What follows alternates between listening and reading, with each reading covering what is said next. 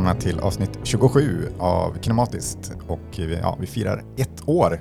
Och som ni hör så gör, vi, gör vi det med en ny introlåt. Eh, Det är vår, en god vän och trogen lyssnare, eh, Oskar Herenskog, som har gjort den. Mm. Så, eh, Tack så mycket till honom.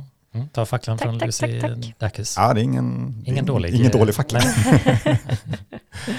Men eh, vi tänkte att det var dags att, ja, nu har vi hållit på ett år, så Mm. dags att förnya lite i alla fall. Måste göra vår egen grej nu. Precis. Eh, men vi ska också prata om film. Och vi har varit på bio igen. Eh, och sett eh, Wes Andersons eh, elfte långfilm. Eh, Asteroid City. Han har ju got nothing on us. Vi har ju fasen 27 liksom. Så här. Han måste bli lite mer produktiv. Ja, precis. Mm. Exakt. Eh, men eh, som vanligt så ska vi prata om lite andra filmer. Och eh, som vi nämnde i förra avsnittet så eh, har vi fått tips på vilka filmer vi ska prata om eh, från våra lyssnare. Mm. Eh, så ja, vi kör väl igång helt, helt Ja, enkelt. och med det. tack för alla tips. Tack för Ja, alla tips. Vi fick ju verkligen. väldigt många tips eh, och det var trevligt. Mm. Eh, Men det är tre som vi har valt ut då. Och Felix, du får äran att börja. Ja, jag kommer då prata om Heavenly Creatures som jag tror kom från en som har varit på podden, eh, Jasmin. Precis. Eh, Så det var, det, och jag visste inte det, jag hade ingen influens från det, jag visste inte att det var hen som hade gjort det, utan det var, det var en film jag har menat se väldigt länge, så det var väldigt kul att få rekommendationen och ursäkta när jag äntligen ser den. Eh, Men ja, den är från 94 och är ju då en film av Peter Jackson, vilket är liksom, man bara har han gjort filmer innan Sagan om ringen, det är lite den där effekten av att man, man bara, gjorde han någon på 90-talet med Kate Winslet, liksom i en annan genre? Det känns, man glömmer bort att han gör andra filmer ibland. Ja, det är också kul att, filmer. men innan det så gjorde han ju massa så här splatterfilmer Ja, också. Liksom. exakt. För den har jag ju sett då, den hans kända, vad heter den nu? Brain Dead. Brain Dead, ja. Så heter den, den har jag sett. Eh, Och eh, ja, den här känns verkligen som en sidostickare från det och även ifall man märker av att han, han vad jag minns från Brain Dead påminner lite om det här och det känns som att jag tycker jag kan se spår av vad han skulle sen använda i Lord of the Rings. Mm. För den här filmen var visst första som Weta Digital arbetade på. Så de startade den 94 och gjorde... Specialeffekt, eh, Exakt. mm. bolaget. Mhm. Ja, de som har även gjort alla kläder och orcher Ja, och sånt där. Liksom, men mest då specialeffekter och det är det jag tror de gjorde i denna. För den är då baserad på ett riktigt fall i Christchurch i Nya Zeeland på 50-talet, eh, 54 specifikt. Där Pauline Baker och Juliet Hume, tror jag man säger, begår ett brott. Jag, kan, man, ska, man kanske kan säga vad de gjorde. Är det Ja, det kan man väl eller? Ja, Ja, det känns inte så sorgligt. Men ja, de, de mördar en mamma, eh, specifikt Paulins mamma. Mm. Eh, och det blev uppmärksammat på tiden, men inte någonting jag ens visste var att det var en, baserat på en verklig, ett riktigt fall så sett. Men eh, ja, så kontextet är att lite följa deras vänskap mer specifikt. De här två eh, tonåringarna som är från lite olika samhällsklasser och möts på skolan. Då eh, Juliette är ny på skolan och har flyttat från England och är lite mer överklass-kid. Eh, Pappan är liksom lektor på universitetet. Eh, men de, de blir ganska direkt vänner för man märker att båda verkar vara lite så här, eh, liksom eh, anti-auktoritära och eh, gillar att göra narr av lärarna liksom. Eh, och de har visst båda haft en eh, barnsjukdom som de märker tidigt som gör att de bondar över att de båda har legat i typ sängen och inte haft några föräldrar som bryr sig, eller i alla fall Juliet. Eh, så de, de, de blir snabbt väldigt nära vänner och lite för nära vänner enligt samhället om dem om man säger så. Mm. Eh, för ni båda har sett den här va? Ja, Ja. Mm. det var inte superlänge sedan heller. Det känns länge sedan, men Mm. det var inte så länge sedan. Nej. Ja, ja, men det, det känns som att den har poppat upp flera och flera gånger. Just det var ju typ den filmen som lite Kate Winslet blev upptäckt via och även då äh, äh, Melanie Linsky. Mm. Eh, Som ju är jättepoppis nu. Ja, Eller jo, det men- går ju väldigt bra för henne Ja, just nu. hon var ju med senast på The Last of Us till exempel, en ganska bra biroll. Mm. Kollar. Yellow Jackets. Precis. eh, Ah, Yellow Jackets. Tack, Mm. jag har inte sett det så jag har inte tänkt på det för annars känns det som att första saken jag såg henne var ju så här two and a half men liksom. också. Just det. Hon är med Mm. i den, eh, vilket var en stund sedan, men Mm. ja. Eh, här får man är hon någon hennes- slags stalker i den eller någonting? Ja, men typ någon sån här nose neighbor som är alltid över liksom. Mm, det. Eh, eh, Men eh, ja, hon Vet inte varför jag vet det. Nej, nej, men... Det eh, känns inte så bra att jag vet Är det här du kommer ut som Two and a half men-fan, Eh, nej. då, får du, då får du kicken Ja. från podden. Fast du Det gillar bara... rimligt. Ja. Men ja, Melanie Linsky upptäcks också i denna så som Kate Winslet gör eh, och det är kul att se dem båda eh, och de gör det väldigt väl båda två. Eh, Det känns som att de har castat det väl och läste lite att de letade länge efter de här två rollerna. Liksom det, filmen bygger ju på att de har kemi med varandra. Mm. Men det var också intressant att läsa lite om för eh, det är då Peter Jackson och eh, Fran Walsh som har skrivit filmen som är då partner till Jackson. Eh, De gjorde sin egna lite så här cold case digging och började intervjua gamla klasskompisar och präster och psykologer och andra som var då involverade i fallet på tiden för att få en bättre känsla av vilka de faktiskt var. Eh, Och filmen har ju då genomgående berättarröst också som är då Paulins eh, dagboksskrivelser, eh, skrivelser, liksom rent utav. Så att det, det var intressant att inse hur nära man var personerna för det känns som att det är så lätt att bara anta och skriva och göra en egen story liksom. Ja. Men för de har ju sin egna alternativa värld de utvecklar och nästan en religion eller spiritualism liksom. Ja. The fourth world som de kallar det. Där det finns då en, ett heaven eh, som de vill komma till där alla kändisar de gillar, men inte Orson Welles viktigt, eh, inte är. Eh, för- så att den, den är ju väldigt imaginär för man får verkligen följa det från deras perspektiv. Det är inte, den är inte liksom sådär mörk och stämningsfylld utan den är ganska liksom fantastisk och eh, lite, nej, inte riktigt campig, men den är, den är ganska bred i sin ton och har en del humor. Mm. Eh, men, Ganska ljus också minns jag Mm. den som. Och, ja. och sen har ju då de här liksom fourth world sekvenserna där man får liksom se liksom digitala fjärilar och eh, lermän som kommer till liv i liksom så det. full dräkt. Så att jag blev ganska överraskad över den. Jag trodde inte att den skulle vara så eh, livfull liksom. Mm. Eh, man tänker mig att det ska vara något lite mer stämningsfullt psykologiskt liksom, men eh, inte alls liksom. Mm. Eh, men det känns också som Peter Jackson gjort en del med kamerarbetet med många sådana här handhållna liksom, rörelser, att han typ jagar efter dem och det är mycket rörelse och sånt där. Så att den, den var ganska väl eh, liksom upplagd. Den var, den var kul att se på visuellt så sätt. Mm. Eh, men även kanske lite att den blev lite goofy ibland för min smak. Uh, gäller de här fantastiska elementen. Uh, även ifall den knöt ihop säcken bra tycker jag också. Mm. Eh, men jag, vad minns ni från den? Ja, men jag minns att det känns som att det är en stor besatthet mellan dem. Mm.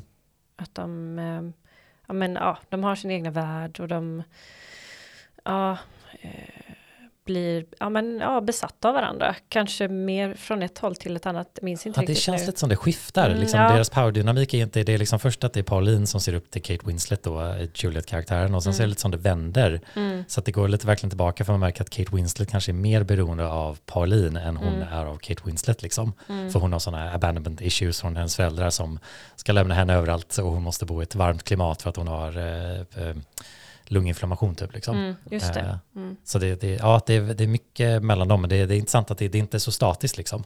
Ja, och sen alltså i filmen, om jag minns det rätt, så får de väl det till en, alltså delvis en romantisk relation. Mm. Ja, jo, men det, det utvecklar till dem, de Ja. leker lite med det och sen så kommer ju upp det här att jag tror de är lesbiska. Mm, Och det var ju en mental sjukdom på tiden så att det Mm. var ju liksom något som föräldrarna ska ta på högt allvar liksom.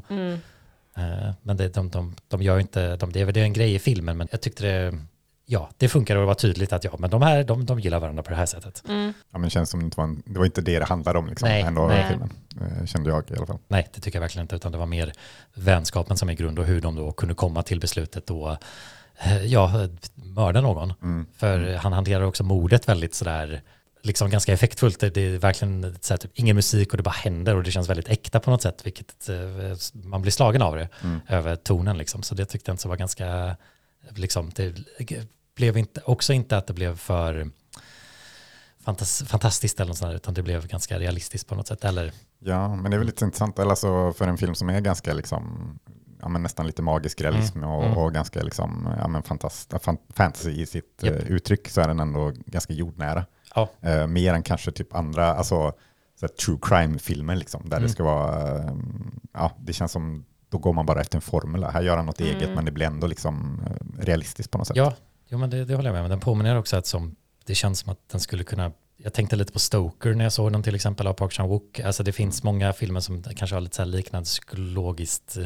besatthet där även kanske kraft och, eller maktspel och mord anspelar men den kändes verkligen sin egna grej liksom och Mm. mer hjärta på ett sätt. Ja, Det känns ju som att det finns många lager i den på något sätt. Mm. Att man kan läsa in väldigt mycket olika saker i Ja. det och analysera det. Ja, det känns verkligen som de har tagit liksom sin research på allvar och liksom försökt lyfta fram de här karaktärerna för att de blev verkligen svartmålade på tiden över att vara typ två av de mest onda människorna i Nya Zeelands historia. Liksom att Mm. hur kunde de göra det här? Liksom? Mm. Man hade verkligen ingen förståelse till varför det hände. Mm. De var ju bara så här, nej men de var liksom eh, borta i sin egna värld. De var lesbiska, allt var bara liksom så här check, check, check på negativa saker Mm. i- ur tidens perspektiv i alla fall från tidningarna som skrevs då. Mm. Så det, ja, det, det, känd, det var tacksamt att de tog tiden att göra lite research liksom. Mm. Mm. Men de fick bara fängelse i fem år visst, eh, men Ja, att jag- släpptes sen. Och så fick de lova att aldrig någonsin Mm. se, träffa varandra Exakt. eller prata med varandra igen. Ja. Vilket känns som en sån dramatisk liksom så här, du får släppas från fängelse men du får aldrig träffa den här personen igen. Mm. Så bara, går det att göra liksom? Ja, Ja. Vem, ska, vem ska kolla det? Ja. Exakt. Mm.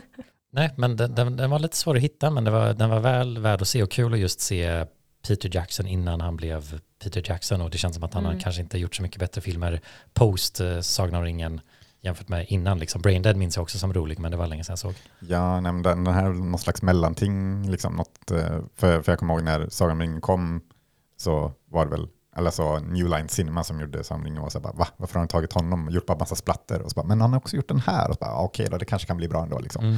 Så det var väl lite den som fick honom att ja, ta Mm. steget till att göra liksom, Ja, storfilmer. Leopard Mm. fick någon nominering för bästa adapted screenplay på Oscarsgalan och fick någon så här silverlejon-nominering, vad det nu betyder. Men så Mm. lite, lite, den var väl omtyckt på tiden liksom. Mm. Eh, Men det kändes så kul att just se att det kändes så här att det finns lite wetta bitar och man så här, de här lergubbarna känns verkligen som orcher i en annan, mindre variant, liksom inte riktigt lika snygga gjorda Mm. typ. Mm. Så det var, det var kul att just se, man kunde förstå Peter Jackson lite bättre. Mm, mm, mm. Ja, ja men eh, intressant. Ja, så tack Jasmin. Tack för tipset. Eh, jag går vidare med ett annat tips då som fick eh, från eh, en lyssnare som heter Alex eh, som tipsade om Everything is Illuminated. Eh, film från 2005 efter Jonathan Safran Foer heter han va? Mm. Eh, hans eh, bok. Eh, och filmen eh, är ju gjord, skriven och regisserad av eh, Liv Schreiber som är väl mest känd som eh, ja, skådis. Eh, dyker upp eh, ja, lite senare i, Ja. i, i Huvudfilmen. avsnittet. Ja, precis. Bland annat. Jag har varit med i fler eh, av Wes Andersons filmer också tror jag. Och massa annat. Ja, Scream också som vi, vi har pratat om tidigare. Just det. Ehm, men det här var hans första, eh, första eh, film som han gjorde själv då. Eh, regi och eh, manus. Eh, och den handlar ju om, den handlar om Jonathan Safran Foer eh, som, jag vet inte hur man uttalar hans efternamn, men ja, ni vet vem jag menar. Mm. Eh, som spelas av Elijah Wood i den här filmen. Eh, och eh, han samlar på eh, ja, memorabilia från sin judiska släkt. Och bestämmer sig i början av filmen då att han ska åka till Ukraina för att ja, forska mer i sin släkt och var- vart de kommer ifrån och dess historia. Liksom. Eh, så han åker till Ukraina till någon eh, ja, Odessa ursprungligen då och stöter på eh, Alex. Inte som tipsade om filmen, men som karaktären heter som han träffar. Som är, han och hans familj har någon slags tourguide-grej för judiska turister. Liksom. Som tar, tar dem runt i Ukraina, fast de mest typ scammar dem. Liksom. För de kan inte så mycket egentligen, men de vet att det finns pengar där. Mm. Ehm, och han är ganska excentrisk, älskar amerikansk kultur, eh, fast typ amerikansk kultur för tio år tillbaka. Liksom. Mm. Ehm, men ja, de ger sig, han och eh, Jonathan och, och eh, Alex, inom citationstecken blinda morfar, tar sig ut på en roadtrip för att Jonathan ska få försöka hitta sina förfäder. Mm.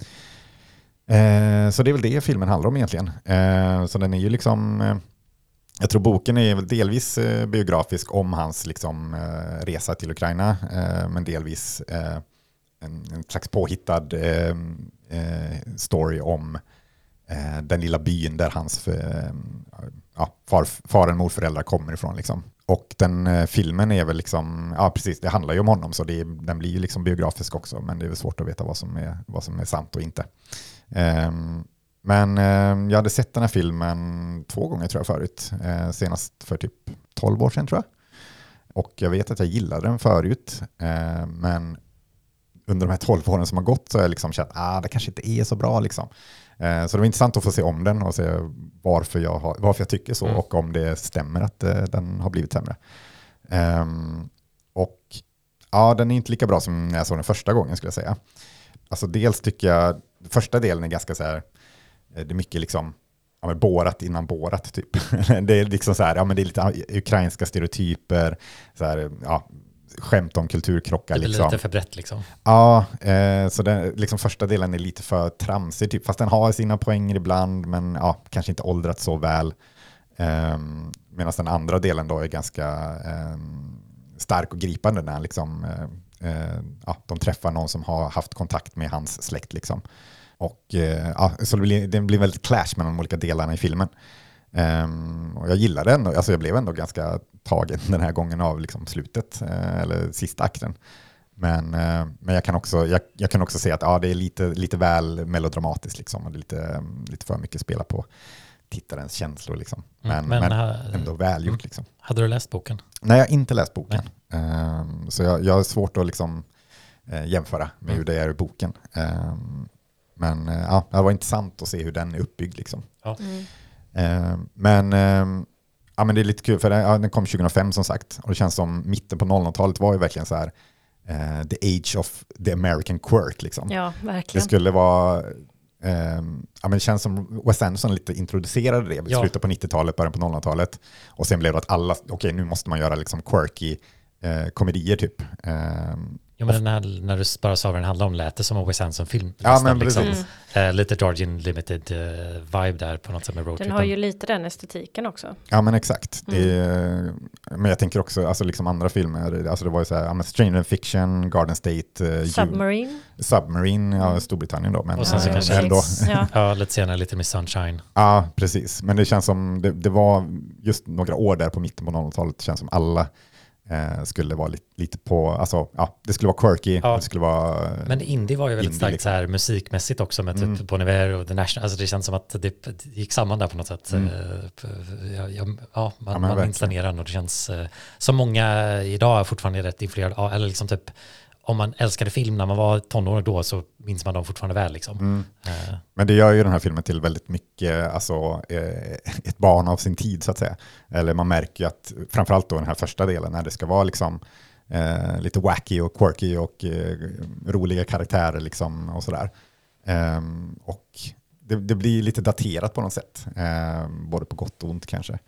Um, men det är, ja, det är intressant ändå att se att det, var, det är verkligen så där man gjorde indiefilm i USA på uh, mitten på 00-talet. Ja, och kan man ju tänka sig att uh, Liv Schreiber som first time director blir mm, influerad av samtiden på ett sätt som Exakt. kanske inte någon som har gjort lite fler filmer. Ja, men lite som var inne på mm. uh, något tidigare tillfälle när vi pratade om någon film. Jag kommer inte ihåg vilken, ja, skitsamma. Mm. men, uh, men ja, nej, men det blir ju, blir ju så liksom att um, jag tänker det. Nu ska jag göra min första film. Okej, det är det här som gäller just nu. Liksom. Eh, och han har ju varit med i lite sådana filmer också, liksom, så det är väl eh, lätt att det blir så. Ja. Men, eh, men jag, jag, tyckte fortfarande den var liksom bra.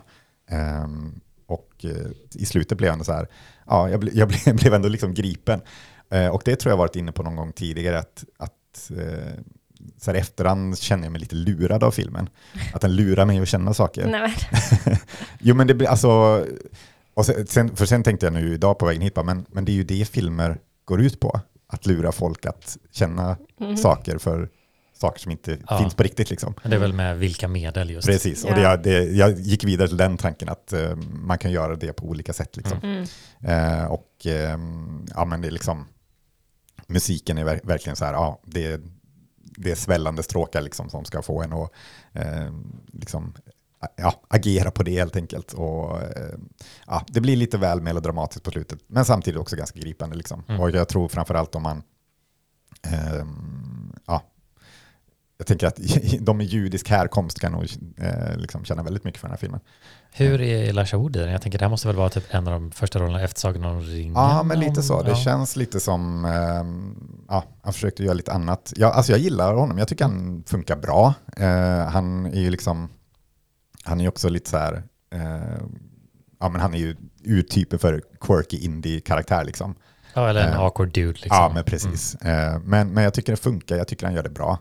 Um, och jag vet inte, jag, jag gillar Elijah mm. Wood. Apropå det, han är ju också med i Yellow Jackets nu, i ja. andra, andra säsongen. Ja. Många connection så här mellan Peter Jackson och Elijah Wood. in, Ja, Där är han också en quirky dude. Ja, och eh, ja, men jag, jag vet när han dök upp där, bara, ah, men vad kul att se honom igen. Alltså man blir ändå glad när han är med någonstans. Jo, men han känns som en så här, eh, han har aldrig blivit cynisk. Nej. Trots att han kanske är med i lite mörka filmer så känns han alltid som ganska positiv till karaktär liksom. Men, det- men det är lite samma med Daniel Radcliffe också. När han dyker upp någonstans blir jag också glad av någon anledning. Jag, vet, jag gillar de två, de är också ganska lika, Lika, på något ja, sätt. de blir ju alltid Eh, misstagna ja, för varandra. Men, eh, Och har spelat en väldigt ja stark... men precis, framförallt Ja. det liksom. Mm. Men det är lite som att säga, you made it, ja, Ja. du är fortfarande kvar där och du gör någonting du vill liksom. Inte, Ja men precis, det är, kul, Ja. det är kul att se när de, alltså, ja, men framförallt Daniel Radcliffe, det känns ju som han har haft väldigt liksom, ja men han gör vad som helst, eller inte vad som helst, men han gör, gör ganska lågt. udda saker. Han gör Liksom. väldigt olika saker. Ja men precis. Mm. Ja, Jag har fortfarande inte sett Weird Al-filmen, jag, jag vill se den. Ja, ja men till exempel. Ja, Eh, men, men, ja, Den, ja. men lite samma känsla med eh, Elijah Wood. Han var ju i Sin City också där ganska tidigt efter och spelar eh, psykopat liksom. Ja, och sen gjort massa Ja. horrorfilmer typ som man inte känner till liksom. Det Mm. känns som att det är hans stora passion liksom. Men jag tycker han funkar i den här i alla fall. Mm, Jag tycker det var höra. ändå, ändå en bra. För det känns också som att det daterar filmen liksom så här, ja ah, det är Mm. Elijah Wood liksom. Precis. Ehm, också kul att i eftertexterna, rolllistan, så tredje plats är Leaf Blower, Jonathan Safran Foer. Han är så här i första scenen, typ går han på en, i kyrkogård och blåser bort löv liksom. Ja, men ja, det tänkte jag för Peter Jackson är ju med i Heavenly Creatures. Han, har, han är ju alltid med i sina Ja. filmer liksom. Ja. Och jag bara, ah, där är han igen liksom. Jag blev lite störd på det. Men Ja. det var också bara, just det, jag ser på en Peter Jackson-film, klart att Ja. han ska vara med i någon så här två sekunder. Ja, Mm. ja, men det är ju lite kul att han var med här, men det är, det är extra lustigt att han ska stå så högt i Ja. rollistan.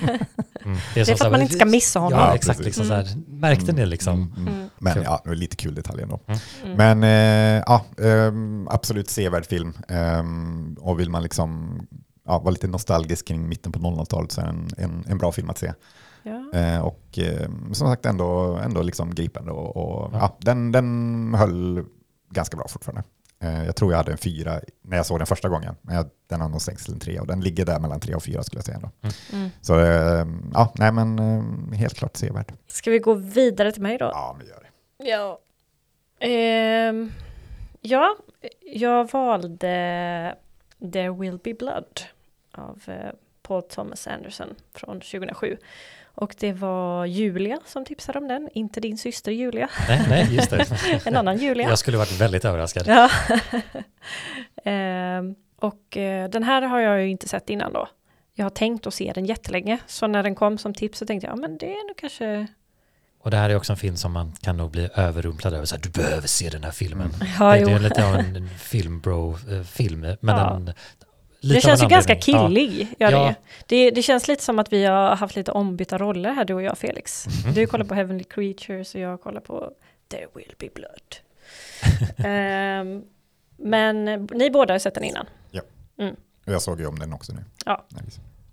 Eh, Men den handlar i alla fall om en gruvarbetare som heter Daniel Plainview i slutet av 1800-talet i USA som letar efter silver. Och så, ja, vad ska man säga, det, ja, det spolar fram lite och sen så får man se att han nu letar efter olja och att han är någon slags sån här nu, jag försökte googla på vad namnet på det här var, men oljeprospektör stod Ja, det. okej. ja, jag tänkte, eh, ja, eller Tycoon, kan, men Ja, kanske jo, inte men riktigt, det är han blir inte ju det typ kanske. Ja, jo, alltså han Ja. blir ju det sen. Och jag insåg Eh. också att jag tänkte 100% på uh, No Country for Old Men innan du sa Daniel Plainview. Det är kul. Jaså? Det Ja, är kul. Då spelades in samtidigt, Ja, ja, de kom samma år. Mm. Och tävlade lite. Och på nästan samma ställe. Ja, ja. men eh, när de här kom eh, så såg vi, eh, ja men vi såg No Country for All, men jag tror vi laddade hem den, jag och min, min exflickvän. Och så sen när den kom på bio, så då tror jag vi blandade ihop den, att vi hade sett There Will Be Blood, och så gick vi och såg det på bio, och så bara, men den här har vi ju sett redan. ja, så, ja, eh, Ja. så, ja, jag har gjort det många gånger förut. Och för, Visst, eh, den här är ju också lite filmbro, men jag tycker nog No Old Ja, Men är, med. ännu mer. Ja, Eh, det. Så det var det jag ville bara en liten Ja. rättelse till. Men Ja. jag blev nästan upprymd när du bara, ja det är ju den här filmen, jag älskar ju den. Ja. Jag tror jag gillar den här mer än No Control Men. Ja. Båda är bra filmer men There Will Be Blood lite, lite hög för min del. Men för, Fortsätt, nej, men för att pausa i min beskrivning av filmen så kan jag ju säga att jag läste att de spelade ju in de här två filmerna samtidigt på nästan samma plats. Och eh, i en scen i den här filmen då när det är en sån eh, olje, när de borrar olja och det, det kommer upp en massa gas och allting bara sprängs. När de filmade det så blev det så mycket så här svart eh, rök. Mm. Så de fick skjuta upp inspelningen. Eh, Av No Country for Old Men. ja, precis, några dagar för att de förstörde för dem. Så här Coen-bröderna bara fuck you Thomas Anderson. Var det därför de fick Oscar kända för bästa film istället för There Will Blood? Som är faktiskt... eh, Plåster på Ja, såren. precis. Nej men i alla fall, eh, han eh, undersöker land eh, och letar efter olja och borra då. Eh, Daniel Plainview. Och eh, sen så genom, genomför han ju den här borrningen också. Så det är väl en sån, ja, jag vet inte vad man ska kalla det, men eh, Och han det är hans mm, företag i alla fall. köper Som kör, billigt. precis. Mm. Och eh, eh, ja, i början av hans karriär som ja, olje någonting, prospektör, Oljesnubbe. oljesnubbe, så eh, dör en av hans medarbetare i en olycka som har ett litet barn. Och eh, han bestämmer sig för att ta hand om den här lilla sonen då. Så då får man se sen, några år senare så har sonen blivit lite äldre och det går väldigt bra för företaget och han framställs mycket som en så familjeman då Han säljer ju sig själv lite på Mm. det sättet. Liksom. med hjälp av sonen. Mm. Ehm, och de får då ett tips eh, om en plats i Kalifornien där det ska finnas mycket olja och mark som kan köpas billigt av de som bor där. Så de beger sig dit och lyckas övertala de flesta att han ska få leta efter olja med lovord då om att den här lilla staden ska blomstra. Ehm, ja, sen så kan man väl säga att allt eskalerar lite på olika sätt och kan hamna i fade med prästen eh, i den här lilla staden. Ja, Paul Dano där som... Som Vars också- bror också fick ju honom att komma dit. Ja, precis, det var det jag skulle, pre- Ja. precis skulle säga. Eh, ja, det var han som letade upp dem då och, och berättade om den här, om ja, var han kunde hitta oljan. Eh, så Paul Dano spelar ju båda de rollerna då, för de ska ju föreställa tvillingar. Men det var inte tänkt så från början faktiskt. Mhm. Han, eh, det var en annan som var tänkt som eh, prästen, men Mm. sen så fick Paul Dano den rollen också. Vem fick hoppa in tänkt? väldigt snabbt. Jag kommer inte ihåg vad han hette nu. Okej. Men han eh, blev i alla fall cut. Mm. Så då fick han hoppa in väldigt snabbt in på inspelningen och spela. Och det tycker jag han gjorde väldigt bra. Ja, man eh, minns, eller hans roll, insatserna är ju väldigt bra. Mm. Och jag tänker, man är ju, man vet ju, eller det är ju, eh, har jag bara Daniel Plainview, alltså Daniel Day-Lewis. tack. Det känns som en gång per avsnitt så måste jag säga Daniel Day-Lewis till dig. Ja, ja. Men jag hade bara Paul Thomas Anderson bara för till sånt här treordsnamn. Eh, eh, men ja, eh, jag tänker att man, om man ska vara skådespelare mot honom så vill man nog vara... Ta i lite. Ja, jo men jag tänker, ja, Jo, det är ju väldigt extremt mycket method acting ja från Daniel. Day-Lewis. Ja, han, jag tror han eh, förberedde sig i tre år för den här rollen, tror jag läste. Känns, som, känns som lite för honom. Och han känns inte som en rolig person att vara runt om heller, liksom, gällande Nej. den Nej, rollfiguren just. Liksom. inte om han ska sätta sig in i den rollen. Svår att leva med. Ja, Ja. jo. Eh, ja, nej men eh, Daniel Plainview, han blir mer och mer girig och besatt och omoralisk i sin jakt på att tjäna pengar, kan man väl säga. Ja. Ehm, ja, det kanske får räcka att berätta om, Ja. om eh, storyn där. Det tycker jag. känns som vi, Ja. vi got it. Japp. Men, eller, eller får jag ställa en fråga eller vill du? Ja, men du, du får ställa en fråga. Att jag, vill, jag vill vara nyfiken hur den levde upp till din förväntning av filmen nu när den så liksom, den har ju funnits ett tag och den är ju oftast omtalad och du har ju sett Mm. andra Paul Thomas Anderson-filmer tänker jag. Ja, Ja. vad hade du för förväntningar? Ja, Ja, jag vet inte riktigt. Eller jo, jag hade väl typ, jag kan inte säga att jag hade några specifika förväntningar så, men jag hade liksom en känsla av hur filmen skulle vara. Som jag tycker stämmer väldigt bra. Eller vad så här, jag, tänkte, ja men den är nog ungefär så här. Och jag kan inte riktigt beskriva med ord hur jag tänkte att den skulle vara.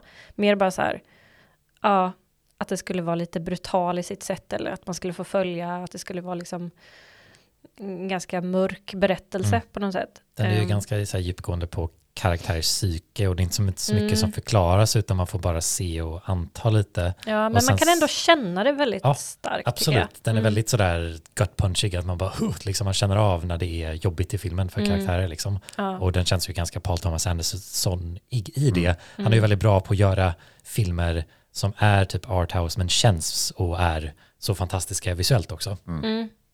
Ja, verkligen. Ehm, ja, nej, så det känns som att den ändå var ungefär som jag, som jag tänkte att den skulle Mm. vara. Och jag tyckte att eh, den hade ett väldigt fantastiskt soundtrack med Johnny, av Johnny Greenwood från eh, ja, Radiohead. Men han har ju också gjort mycket av soundtracken till Paul Thomas Andersons Men det här var hans första va? Jag tror första med honom ja, men Ja, han har ju typ samarbetet. fortsätt sen dess Mm. liksom. Ja. princip. Ja, men precis. Han har gjort flera andra Mm. filmer med honom Men- sen. Verkligen, det är Eh. ett riktigt bra soundtrack. Ver- Ja, det, det satte verkligen en stämning som jag tänker det hade varit en helt annan film utan musiken. Det blir som en egen karaktär nästan. Ja, det, det, var, det var liksom, i början där så var det, musiken var liksom lite, eh, vad ska man säga, Den man är, kände sig lite orolig av musiken. Det var någonting som var lite så här, och det, det är någonting som håller på att hända som inte är så bra känsla. ja, det, det är alltid en blev- liten underliggande ton av något hotfullt. Mm. Liksom. Även i början så är den ganska så öppen och han upptäcker och det känns som att det är typ första 20 minuterna så här, det är typ lite mer positiv. Medan typ det känns som att det blir bara mörkare och det är väldigt mycket så här cellostråkar och liksom väldigt hårt och markant liksom, men också väldigt Mm. mycket öppet och tyst på något sätt liksom. Ja, Det får andas liksom. mm. ja nej, men jag tycker det passade väldigt bra till filmen och det satte en stämning väldigt, väldigt bra. Gillar du den? Ja, Mm. det gjorde jag.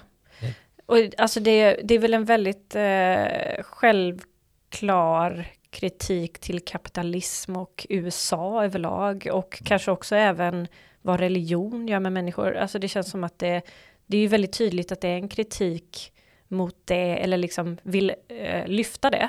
Men det, jag tycker aldrig att det görs på ett, ett eh, överdrivet uppenbart sätt eller liksom på ett så här on the nose sätt. För jag tycker att eh, man kan ju också se filmen bara som någon slags karaktärsporträtt eller som någon historisk, eh, ett historiskt Dokument. dokument, på Mm. något sätt. Som visar alltså hur alla rusade till USA för att gräva efter guld och silver och olja liksom. Mm. Och hur den tiden. exploateringen av landet eh, pågick Ja, och de som och- visste vad de gjorde. Liksom. Och alla människor som fick lida på grund av det, både liksom, alltså, ursprungsbefolkning och människor som blev utnyttjade Mm. för att de ägde en bit mark där. Ja. Ja, ja, det finns mycket och sen så just det, bara att ja, far och sonrelationen liksom, det känns, ja, det känns mycket man kan nysta i på olika perspektiv genomgående i filmen. Mm. Eh, som, den, den känns liksom rik, lite som en novell eller något, eller liksom att det finns, Jo, den är, den är ju baserad på en bok och Ja, det man, det, ja. man Ja. känner det tycker Mm. jag. Oil heter den, ja, kort och gott. Jag tycker verkligen att man känner att den är det. Mm. Men sen så läste jag också att den, jag tror inte att han använde hela boken, utan att det är bara en, en del av boken, men Mm. ja, kanske 150 sidor eller något sånt. Mm. Ehm, så det känns som att han ändå har gjort någon egen grej av det också. Men ja, man får ändå, eller det kanske var för att jag visste att det var baserat på en bok som jag sa, ja men det känns som att det är Ja. det. nej, nej, jag håller med och jag, jag hade glömt bort det. Mm. Men nej, det, ja, det är ju en, en favoritfilm för min del, i alla fall min favorit Thomas Anderson tror jag faktiskt. Mm. Ja, det här var första gången jag såg den sen den kom typ, eh, faktiskt. Eh, och eh, ja, jag vet inte. Jag, jag, det är inte min favorit av Paul Nej. Thomas Anderson i alla fall. Jag tror jag, tror jag tycker lite att, eh, ja men det jag var inne på med Paul Dano och, och eh, Daniel Day-Lewis, att de ska liksom, det känns som de ska trumfa varandra hela tiden i, sitt skådespel. Mm. Eh, för att dra en smal referens så känns det när man, när man hör live-låtar med Cream, alltså Eric Claptons gamla, gamla eh, rockgrupp där han och Jeff Bruce skulle bara säga okej nu ska jag dra ett solo, ja men nu ska jag dra ett bättre solo, ja men nu ska jag dra ett ännu Mm. bättre solo. Och det känns lite som de nästan kommer till gränsen att de spelar över tycker jag i den här Mm, filmen. mm. Ehm, men, men ja, det blir, inte- alltså, det blir inte dåligt, men det, det är nästan lite för mycket tycker jag. Jag tycker om båda skådespelarna egentligen, Mm. Ehm, men, men jag tycker de är väldigt nära gränsen i den här filmen. Ja. Ja, de, de är inte alltid så subtila direkt. Nej. Men jag vet inte, jag tyckte det passade i den här filmen på något sätt. Mm. Och just soundtracket typ föder det på Mm. också. Till Det är en exempel, väldigt ja, dramatisk film överlag. Mm. utan på att ett stillsamt- så, ja, På ett stillsamt sätt. Det är inte något så mycket som händer, men jag tänker också första 20 minuterna är väl typ ingen dialog och man får bara Nej. följa hans arbete och det leder till en liksom olika typ, men det är, det är väldigt eh, hisnande liksom. Mm. Ja, men men med det så jag tycker den är otrolig såklart. Ja, Alltså, den, den är Nej, men väldigt, jag håller med, det är ju nyanser av liksom, eh, i- när man generellt sett pratar hans filmer så är det så här, de brukar vara bra, Mm. men man kan hitta ett, Jag liksom, föredrar ju The Master i sådana fall, där Mm. Joaquin Phoenix och Philip Seymour Hoffman spelar mot varandra. och jag gör har det- nog tvärtom där. Ja. Jag tror jag gillar Paul Dano och dem, men jag, Ja. jag har inte sett och jämfört dem, men jag har sett The Master mer nyligen än den här liksom. Mm. Så ja, nej, jag gillade den. Eh, Jag, var- jag, jag, som sagt, jag var lite nyfiken på om du gillade den, eftersom det är en film där man får vara med ett svin hela filmen. Ja, precis. Och jag tycker att man måste göra sådana filmer på rätt sätt för att jag ska Mm. uppskatta dem. Och här så var han ju ett svin, men det kändes som att ingen var särskilt sympatisk. Den enda som Ja. var sympatisk var väl sonen då möjligtvis. Mm. Ehm, så på, på det sättet så blev det mer liksom att man fick följa en berättelse. Mm. Och jag tänkte, alltså, det blev inte så jobbigt att eh, vara så mycket med en osympatisk person. Mm.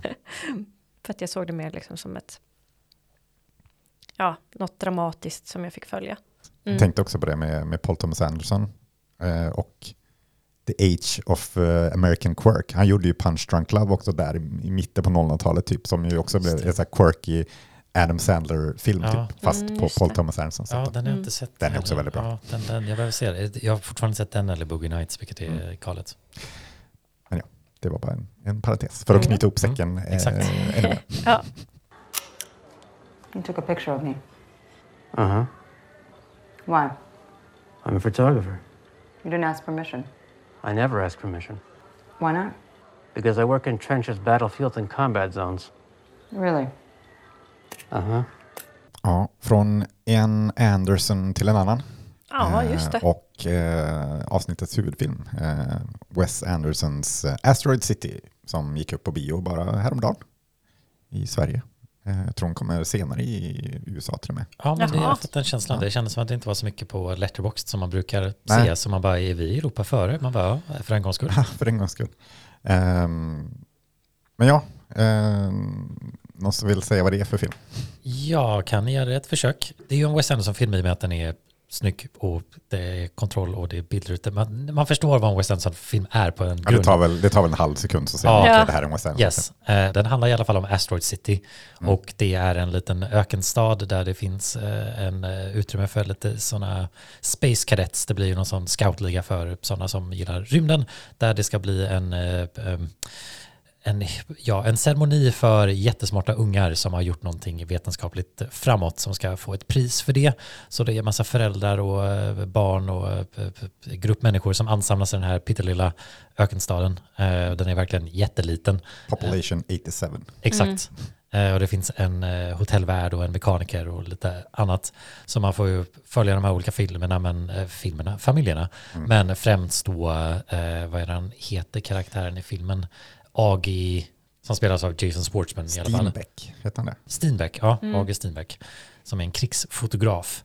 Eh, Men eh, man får ju också då veta i- direkt i filmen att den här Asteroid City är ju då en pjäs skriven av en annan regissör i filmen som spelas av Edward Norton. Och så får man då egentligen se ett tv-program om produktionen av den här pjäsen. Men pjäsen presenteras också som filmen.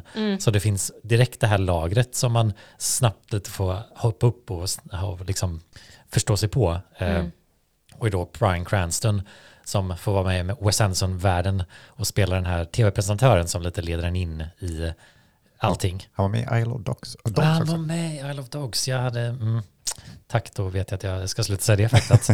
Men Steve Carell är med för första gången i alla fall Ja. filmen. Mm. Mm, Och kanske även Tom Hanks. Eh, ja, det tror jag. Mm. Bra. Eh, Men ja, så det, det fortgår lite där. Det, det, de bor ju då i den här staden. Man får ju främst följa den här pjäsen. Det blir ju de här hoppen tillbaka till eh, en svartvit miljö som då ska spela på att nu är det eh, om hur de har gjort pjäsen och skådespelarna som spelar skådespelarna man får se. Eh, Så den leker lite med det metaperspektivet genomgående. Men eh, de här familjerna och karaktärerna i den här eh, byn, eller vad man ska säga, får ju uppleva någonting som förändrar deras syn på världen och lite hur de hanterar detta är lite dramatiken och det är, det är både lite sorg, det är lite eh, diverse beroende på olika ka- karaktärers utgångspunkt liksom. Men det blir någon ensemblefilm om hur de genomgår det här, men kanske då främst då om Jason Schwartzmans och eh, Scarlett Johanssons eh, relation till varandra, som är då två föräldrar till två genier som också får en liten eh, relation till varandra. Mm. Eh, så det, det, det är många karaktärer och sen det här medperspektivet, så det, det är mycket som händer, men Ja. den är också ganska så här strukturerad, för man får genomgående filmen se också så här, nu är det akt 1, scen 4 till 5. Mm. Så den har, den är ganska stillsam och eh, eh, lugn, trots att det är så mycket som händer. Mm. Det, det var ett försök att Ja, men jag tycker Ja. det var bra. Ja. Ja. Ja, den är ju, ja, men som sagt, den är ju väldigt Wes Anderson, Ja, helt enkelt. Det- Eh, Wes Anderson har, gjort, har verkligen gjort en Wes Anderson-film. Ja, men precis. Ja.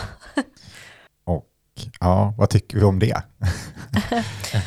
att han gör samma film hela tiden. Ja. Det, det är Ja. nästan lite, jag tänkte på det att, eh, förlåt nu hoppar jag fram här igen, jag, jag vill bara säga en sak, men det är nästan som att man eh, glömmer bort troligen hur svårt det är att göra det så här bra. Mm. Ja. Det är lite, men det är väl också hans egna fel. Ja, kanske. ja. Nej men ja, för jag tänkte på att men just, jag är ju lite svag för filmer där de använder någon slags metaperspektiv och när det är kulisser i kulisser i kulisser och sånt där. Och man får se scenografi och ja, eh, sånt tycker jag är skitkul och Mm. jättesnyggt. Med. Så redan där så blir jag ju svag för den här filmen. Eh, och jag vet inte, alltså, ja, det stör inte mig så mycket att Wes Anderson gör samma film. Mm. Det är hans grej och han får lov att ha det tycker jag. Mm. Ja. För mig blir det inte så tråkigt i alla fall. Nej, alltså jag ska säga, eh, det blir inte tråkigt. Nej. Eh, Uttjatat. ja, men Inte jag, överraskande. jag blir, alltså, de senaste filmerna har inte blivit lika, liksom, alltså French Dispatch har jag typ redan glömt, eh, känns det Mm. Eh, och ja, den, här, den här känns som den sticker ut mer, Mm. men ehm, ja, jag vet inte. Ehm, eller jag tänkte på det när jag var, yng, när jag var yngre. Alltså förut så var det så här, varje gång det kom en ny Wes Anderson-film så var det liksom per automatik en fyra, för jag älskade det. Mm. Men nu känns det mer som det är per automatik en trea, för att säga, ja okej, det är snyggt, men ja, I get it. Mm. Det är liksom, ehm, det, det, ja, jag, jag känner inte lika starkt för det längre. Nej. Ehm, Nej, jag visst, alltså jag kan hålla med om att det kan väl... Man blir ju inte så förvånad eller man blir liksom inte... Åh, man blir inte så taken... mm, Taken mm, kanske, Nej. oftast. Taken. Taken! taken aback, tänkte jag säga. Taken Liam 5, Neeson. Taken regisserad av Wes Anderson. Hur skulle det se ut? Ja. Ehm, nej, men ja, jo, ja, visst, alltså det är ju ingenting... Nej, det kommer väl inte med så mycket nytt, men det, det blir ju någon slags trygghet i ändå. Mm. Alltså att få komma in i den världen och veta lite vad man får i alla fall. Och sen Mm. så Ja, ja. kanske han har, har gjort någonting, ja, något lite nytt med det i alla fall, kan man ju Mm. alltid hoppas. Men Som jag ändå kan- tycker att han har gjort här, Ja. men inte överdrivet mycket Nej. kanske. Ja, men jag håller med om att det, det är mysigt att få, nu får jag gå på bio och se en ny Wes Anderson-film. Mm. Det känns inte helt fel. Men jag tänker också lite på vad typ Quentin Tarantino har sagt att han vill göra typ tio filmer Mm. och sen sluta för att undvika att göra någon dålig film. Liksom. Mm. Att vi, man bara kanske inte har så mycket mer att säga på sitt sätt. Liksom. Eh, och det kan man väl tänka sig med vissa sådana auteur-filmskapare som börjar hamna där i en viss mängd filmer. Men det känns, jag håller också med att så här, jag tycker han kan få fortsätta göra sina egna filmer. Eh, det kommer inte störa mig så mycket. Men visst kan man ju prata om diminishing returns Mm. gällande Mm. ens filmspråk och det känns ju lite som att hans senaste filmer har gått lite ifrån kanske den här känslomässiga storyn som jag i alla fall med- connectade med i Budapest Hotel till exempel Mm. och vissa av de tidigare som man känner som att man inte kanske riktigt får från Friends Dispatch eller Isle of Dogs och inte den här kanske nödvändigtvis lika starkt men kanske lite mer än andra. Eller det, det, det känns enkelt att haka upp sig på stil och formen på något sätt men Mm. jag tycker han lite saknar storyn ibland. Ja. Ja, jag tyckte nog den här blev lite tom också. Eller jag, Mm. jag visste inte vad han ville säga med den här riktigt. Mm. Ehm, och det kändes som det blev lite för många karaktärer Ja. som bara skulle vara med för sakens skull nästan. Ja, Mm. Så här, kolla vad många kändisar kan få med. Ja, Mm. alltså, det, är ju, det är ju härligt liksom, men, Mm. men, Men det, det är kanske bättre att foka på några Yes. istället. Det blir lite mindre överraskande att se Tilda Swinton spela en till intressant karaktär Mm. i en av hans filmer när man har gjort det liksom fyra, fem gånger förut. Mm. Eh, tycker jag till exempel, jag tycker Hanks gjorde ett bra rollinsats i den här typ, och gillade inte så Ja, honom i den. jag, tänk, jag tänkte att, så här, för Bill Murray är ju för första gången sen Bottle Rocket tror jag, som han inte är med i en Wes Anderson-film. Mm. Eh, Bottle Rocket som är Wes Andersons första då. Mm. Eh, men, och jag tänkte när Tom Hanks var med, tänkte jag, ja det var den här Bill Murray skulle spela. Ja, Men det var faktiskt, han skulle ha spelat Steve Carells karaktär ja, tydligen. ja. Eh, var det tänkt. Men Mm. sen fick Bill Murray covid och kunde inte vara med i Mm. inspelning. Okej. Så, så han skulle ha varit med. ja, men det är intressant. Mm. Steve Carell gör det ju väl liksom. Han, han, det är inte som att hans karaktär gör så mycket, men det är kul att se honom. Ja, ja, jo. Eh, och det, det- blir ju mycket, man vill inte bara använda ordet quirk, men det, det, är ju, det är ju mycket Wes Anderson är väl liksom Ja. the godfather of quirk i och för Ja. sig, så det är svårt att inte använda det. Ja, och, och inte, jag vill inte gå in på spoilers så snabbt, men det, jag tycker det finns en konversation om han försöker säga om filmen, men det är inte supertydligt. Och jag, Mm. jag tror jag störde mig lite på lite det här metaperspektivhoppandet kunde lite förstöra flowet och gjorde att i och med att man får följa ganska många karaktärers perspektiv Mm. så blir jag inte så eh, investerad i någon av dem Nej. alltid. Och då blir det lite som du säger så här, okej nu får vi följa det här. Som till exempel det finns en skolklass som kommer och Mm. är i stan och man får följa några av de barnen. Men, Och typ skolfröken där, liksom, det, var, det var fine, det var lite kul och charmigt men det var inte som att jag tyckte de, det kunde också ha klippts bort nästan. Ja. Och jag skulle ens ha fått samma uppfattning av storyn liksom. Precis, och jag, alltså jag brukar också älska sådana Mm. meta-perspektiv och meta-drag. liksom. men, men här vet jag faktiskt inte om jag tyckte, alltså jag kände, att, kände liksom bara så här, men varför? Mm. Varför, vill du göra, varför gör du så här? Ja. Ehm, så, så jag vet inte, alltså, det var inte som att det var dåligt, men det var också, ja, ja, jag blev lite så här, ja, det tog mig ur, ur mm. allt lite grann. Ja. Och så här, jag undrade liksom, vad, var, vad var meningen med det? Ja, jag kände nästan så här, är jag lite för trött på att se den här nu liksom? Mm. Eller behöver jag, liksom, är det någonting jag missar? Behöver man connecta mer liksom, lager i huvudet? Så jag var också lite så där, är det något jag missar bara? Mm. Eller är det lite mindre uppenbart exakt vad man vill säga med Ja, för den det kanske, det kanske, att man, strukturen? det kanske att, att man inte tänker sig att det ska komma någon så här Charlie Kaufmanesk eh, twist på det hela. Så man kanske Nej. inte liksom... eh, ja, jag vet inte. Men, men jag, jag, kände, jag kände mest att det var så här att... mm, Ja, jag förstod inte riktigt varför han ville ha den inramningen med metagrejen och pjäsdelen. Liksom. Ja. Men Det för, kändes ju lite ibland som att saker bara hände. Mm. Men ja, Mm. jag vet inte. Det kan funka med. men eh, rent visuellt var det ju eh, väldigt mycket uppskattat som vanligt. Mycket miniatyrarbete, lite specialeffekter och en så lite, inte liksom, man känner ju igen det automatiskt men det är en så en ny miljö. Det är Mm. som att så här, Wes Anderson gör öken. Ja, det är ju Mm. liksom eh, amerikanska prärien. Liksom. Mm. Mm. Men eh, jag så läste att de hade byggt upp den här byn i Spanien Mm. i något slags ökenområde. Eh, så, men ja, eh, det, var, det, var, det blev väldigt fint med liksom sanden och den väldigt blåa himlen. Liksom. Yes. eh, Och sen Ja. så hur de väljer att porträttera det, det i och med att de ska vara i amerikanska öknen så är det så här, ja nu händer det till atombombtest. Mm. Och då Mm. har de så här jättefina liksom yllemoln typ som är sådana här Ja, ja. som, det är alltid bara den här handgjordheten som genomsyrar er. Mm. Jo, man är ju svag. Man är ju svag för det. Ja, Men ja, nej men eh, vad har du säga Hille? Ja, som sagt, alltså det är väl klart att mm, jag kan tycka att det kan bli lite tjatigt eller lite så här. Ja, eller också så här vad, vad är, vad vill han säga med den här filmen? Mm. Men samtidigt så bryr jag mig inte jättemycket om det, utan jag tyckte bara att det var kul att få vara i den världen en stund Mm. och uppskatta all scenografi, estetik och hur de har gjort allting och byggt upp allt och ja, kläderna. Mm. Alltså att bara få, få vara i det och uppskatta det och det är ju generellt sett genomgående bra rollinsatser. Liksom folk, de, han brukar få en ganska hög kvalitet från alla, men det blir också typ inte så överraskande Mm. att man ser Adrian Brody spela i en av hans filmer och är ganska bra. Mm. Liksom. Eh, så det, det, man blir lite lurad och uppskattar vissa saker bara för man, är, man förväntar det liksom. Ja, alltså de, de, de, spelar ju, de spelar ju bra, eller som de ska göra i en Wes Anderson-film, men det är ju ingen som så här sticker ut och bara oj, det där blir en Oscar. Liksom. Nej, nej. Ehm, alltså Nej. det blir, men det, det brukar det ju inte vara i hans filmer heller. Nej. Eller Alltså de spelar på, så, på ett så speciellt sätt Yes. och Mm. kontrollerat. Ja. eh, verkligen. Men, men ja, nej, det är ju ingen som, det är ingen som är dålig. Liksom. Nej, och jag såg att det var Alexander Desplat som gör musiken igen och han har gjort de senaste tio filmerna. Det känns, han, har- han har ju sitt crew av folk liksom. Mm. Så eh, det, det hög kvalitet men inte, inte, inte nyskapande kanske. I hans egna värld. Mm. Men det var lite så, än så att man blev lite tafatt av filmen på något sätt. Men det var lite svårt att veta vad man skulle tycka efter tyckte jag. Mm. Även ifall jag som gillar den liksom. Mm. Ja, jag funderar på om det kanske är att, ehm, den, alltså att man måste se om den. Alltså, ja, men som vi var inne på, det- man kanske har missat saker, men jag vet inte. Eller så är den, ja, är det inte så mycket mer än, än som du säger, Hilla, att det bara är en härlig värld att vara i under 90 minuter. Liksom. Och en händelse som, som eh, liksom för folk samman. jag vet inte. Mm. Ja, det går ju att, eller det, kän, det känns ju som det är mycket kring alltså, pandemin, eh, Mm. just med karantän och Mm, liksom, ja, vad det gör med folk. Och Ja. Nu öppnar vi upp oss, bara, nej det gör vi inte, vi stänger igen. Ja. Eh, det händer ju i filmen liksom. Mm.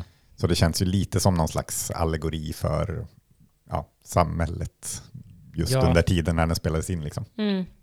Det, det, det håller jag med om, det tänkte jag också på. Men, eh, men jag kan också tänka mig att just på tal om att se om den, att den lägger ju det här metaperspektivet ganska snabbt och Brian Cranstons karaktär talar ju väldigt snabbt också så att det, det är mycket att hänga med i där i början så jag Mm. skulle tänka mig att det skulle vara skönt att se om den utan att behöva förstå sig på hur perspektivet är och vilka Mm. lager man blir nästan lite Jo, distraherad av Ja, det. men det, nu när du säger det så tänkte jag på det i början av filmen att det krävde ju väldigt mycket koncentration just för att hänga med i allt han berättade Mm. och allting som skulle liksom eh, läggas i början där för att Japp. man skulle förstå hur allt hängde ihop sen och ja, eh, så det kanske vore skönt att se den igen bara för att man känner, kanske känner att man kan slappna av lite Ja. mer då. Men jag tycker att det var, jag tycker faktiskt att det var lite lättare att hänga med i denna än i French, French Dispatch, för där var det ju verkligen, alltså där var det ju, jag blev ju helt trött i huvudet, jag fick ont i huvudet av att försöka hänga med. Sen gillade jag filmen jättemycket ändå, men det var liksom, åh, de pratar så snabbt och jag kan inte, jag hänger inte med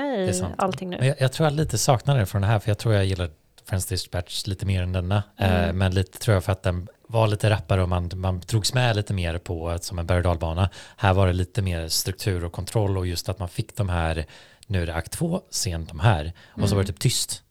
Det blev liksom, det var någon paus där som jag störde mig på, det var som att så här, Okej, nu ska jag läsa till kapitel. Det var lite som Ja. man läste manuset istället för att få se filmen på något sätt. Mm. Eh, som jag kände att det drog ner mitt engagemang ibland. Men kan vara att jag var lite trött redan innan och skulle man se den en annan dag så skulle inte det vara en aspekt jag tänkte på. Mm. Men jag minns att jag tror jag gillade det med Dispatch, med att den var som en kavalkad liksom. Mm. Men jag håller med om att det var, det var mycket. Ja, Mycket var det. Ja, men jag vet inte, det känns lite som det var första film. Eh, Jag, jag tänkte nog inte heller så mycket kring French Dispatch, att det var för mycket. mm. Eh, Men, men jag kände i den här kändes som det var första gången jag typ kände mig dum, för dum för en Wes Anderson-film. Typ. Mhm. Nej, men liksom, ja, men just att det var lite så här svårt och så här, ja, men det känns som det är en, ja, att det kanske är något lager som jag inte fattar. Liksom. Eller jag, så här, bara, jag, jag fattade liksom inte filmen. Mm. Eh, och, och det har jag väl aldrig riktigt, ja, åtminstone inte reflekterat över det vid tidigare Wes Nej, Anderson-filmer. hans filmer brukar inte vara så esosteriska på det sättet. Nej. Det liksom känns så här, lite så här Tarkovsky-logik någonstans, utan de brukar vara lite mer Mm. tydliga liksom. Mm. Mm. Och jag vet inte om det, om det var att jag inte hängde med eller om det är att filmen inte har mer att säga. Alltså Ja. det kan jag, alltså, ja, det, det är Eller hur effektiva de var presenterade. Precis, liksom. det, känns, det är det som känns svårt efter Mm. bara att sett den en gång. Yes. Så därför så kanske det känns som man måste se om den någon gång. Mm. Men vad tyckte ni om humorn i filmen? Det känns som att jag inte, jag tyckte den var smårolig, men jag önskar nästan att jag skrattade lite mer ibland. Men det är också sådär kanske man gör det, för det hade ju många bra line deliveries och roliga meningar. Eh, den är ju välskriven liksom. Ja, men det känns inte som, alltså jag kan inte riktigt, liksom, jag kan inte riktigt eh, påminna mig någon scen nu som jag bara, ja men den där, det var riktigt kul. Ehm, så, jag, så jag vet inte. Nej, Eh, det jag har känns lite några- som att det var, ja men det är liksom mer en, en känsla som är, är, är humorn typ. Mm. Eller alltså bara miljöerna och Mm. ehm, ja, den, den genomgående auran i Ja, filmen som är man, man humorn. har ju typ. liksom lite av ett inre leende, men det är inte Mm. sådär Mm. ett uh, laugh out loud-film. Ja. Nej, jag blir också lite så när man är på bio och andra människor skrattar så blir jag typ, då vill jag inte skratta. Eller inte skrattar och det är liksom så här, jag kan inte skratta högt för Nej, att liksom, precis. då hör alla mig. Ja, Liksom. jag tycker det är ja. jättesvårt att se sånt på bio. Ska vi gå in på betyg? Mm. Gilla. Vad är det för betyg? Ja, men jag gillar den ändå väldigt mycket. Jag trodde faktiskt inte jag skulle gilla den lika mycket som jag gjorde. För att jag, jag tänkte att på något sätt att han aldrig kommer toppa sig själv igen. Mm. Men eh, jag gillar den nog lite mer än vad jag trodde. Så jag tror ändå jag kommer sätta en fyra. Ja, jag, jag är nog lite mindre pepp och har nog en 3,5. Mm. Eh, så ja, den, den, den den är någonstans däremellan. Som att kanske att man ser om den och att den höjer eller sänker liksom. Mm. Men nu är den definitivt någonstans däremellan liksom. Mm. Ja, jag, jag går ner ytterligare ett steg också då. Eh, som, jag var, som jag hintade om tidigare, men att det känns, eh, känns som nu när jag går in i en Wes Anderson-film så har jag redan typ bestämt mig att det kommer vara en trea nästan. Mm. Och eh, ja, men det här kändes som en trea. Men det känns som det kan vara en film som växer eventuellt, jag vet inte. Mm. Eh, men just nu känns det som en trea. Mm. Eh, jag tycker det var för lite, för lite substans i den för att, eh, ja, för att det ska bli bättre än så. Ja. Men ja, Så, bara, ja, bara snabbt, Hille, du sa att han inte kan toppa sig själv. Vart är Wes Anderson-toppen? Ja, nej, det vet jag inte. Men det är bara så här. Eh, kanske toppa sig själv på det sättet som man själv tyckte att han var bra för. Mm, mm. Mer, snarare kanske, Mm. jag vet inte. Alltså när man var yngre och bara, oh, Wes Anderson. Man har haft sin Mm. egna Shit. personliga Wes Anderson peak liksom. Ja, Någon gång i precis. livet har man den. Ja, Har den, har den varit det eller kommer den inte igen liksom? frågar du eller vad? Nej, nej, nej, nej, nej. Ja. jag menar att Man det kan är den fråga sig själv. Man kan Exakt, fråga sig, liksom. ja precis. Jo, eh, det kan man göra.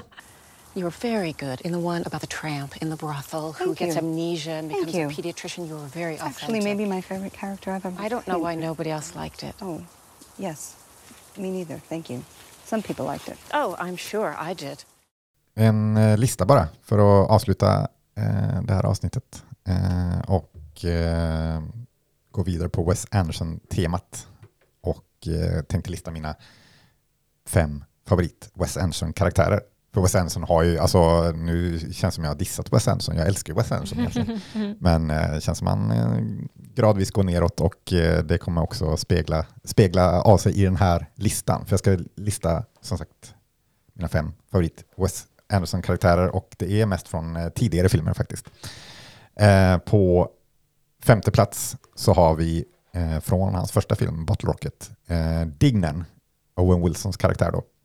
Eh, gillar hur han är, är så naiv och så liksom nördig, men han vill vara cool typ, men han är ju bara en nörd som är lite för exalterad typ. Jag, jag tycker Owen Wilson spelar honom väldigt bra där.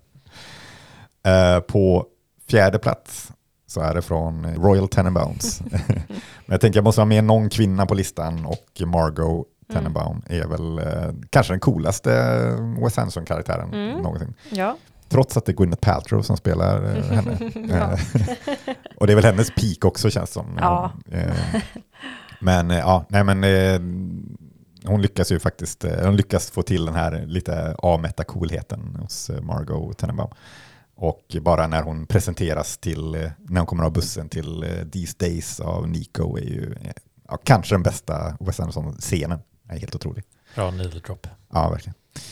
På tredje plats eh, från eh, den underskattade Life Aquatic with Steve Zissou. Jag tycker den, eh, den är bättre än vad den eh, har rykte om, tycker jag. mm, mm. Ehm, och eh, karaktären som jag valt därifrån är Alistair Hennessy, Jeff Goldblums eh, karaktär.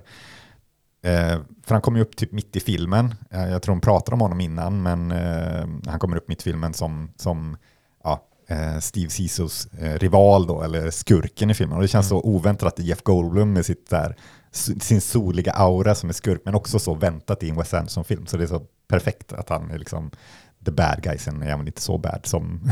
Bill Murrays karaktär vill, vill få det till. Men, eh, men ändå, det är, det är väldigt kul när han dyker upp där.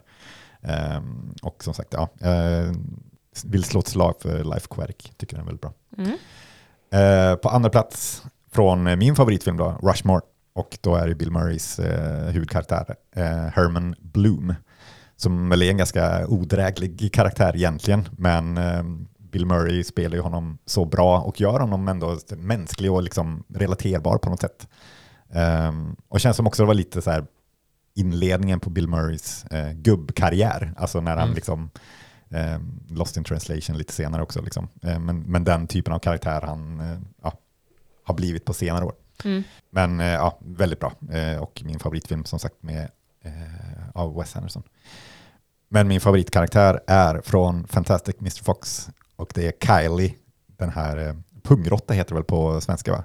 Possum, hans Mm. vän och fastighetsskötare som ju dras med i Mr. Fox eh, ja, schemes. Ja, och det är Bill Murray va? Nej, det är Wallace Wolodarski som gör eh, rösten till eh, Ah. Bill Murray Badger. Ja, just det. Ja, ja jag blandade ihop äh, djuren i mitt huvud. Där, ja. Mm, tack. Eh, men Kylie är ju den här, ja, han är, han är så awkward och rolig och Ja. får så här, zonar ut ibland och Men ja, det är ju rena rama kopian av din norska favorit, äh, Murmeldjur. nästan Ja. faktiskt. Ja, det är kanske är därför jag tycker om det så Du mycket. får påminna om namnet på de två karaktärerna. Ja, eh, Solan och eh, Flågklypa. Ja, precis. Flågklippa-filmen. Ja, nej, men jag, jag tycker det är den roligaste karaktären, den mest minnesvärda. Mm. Eh, så, och ja, efter Rushmore så skulle jag nog säga att Fantastic Mr. Fox är min eh, favorit.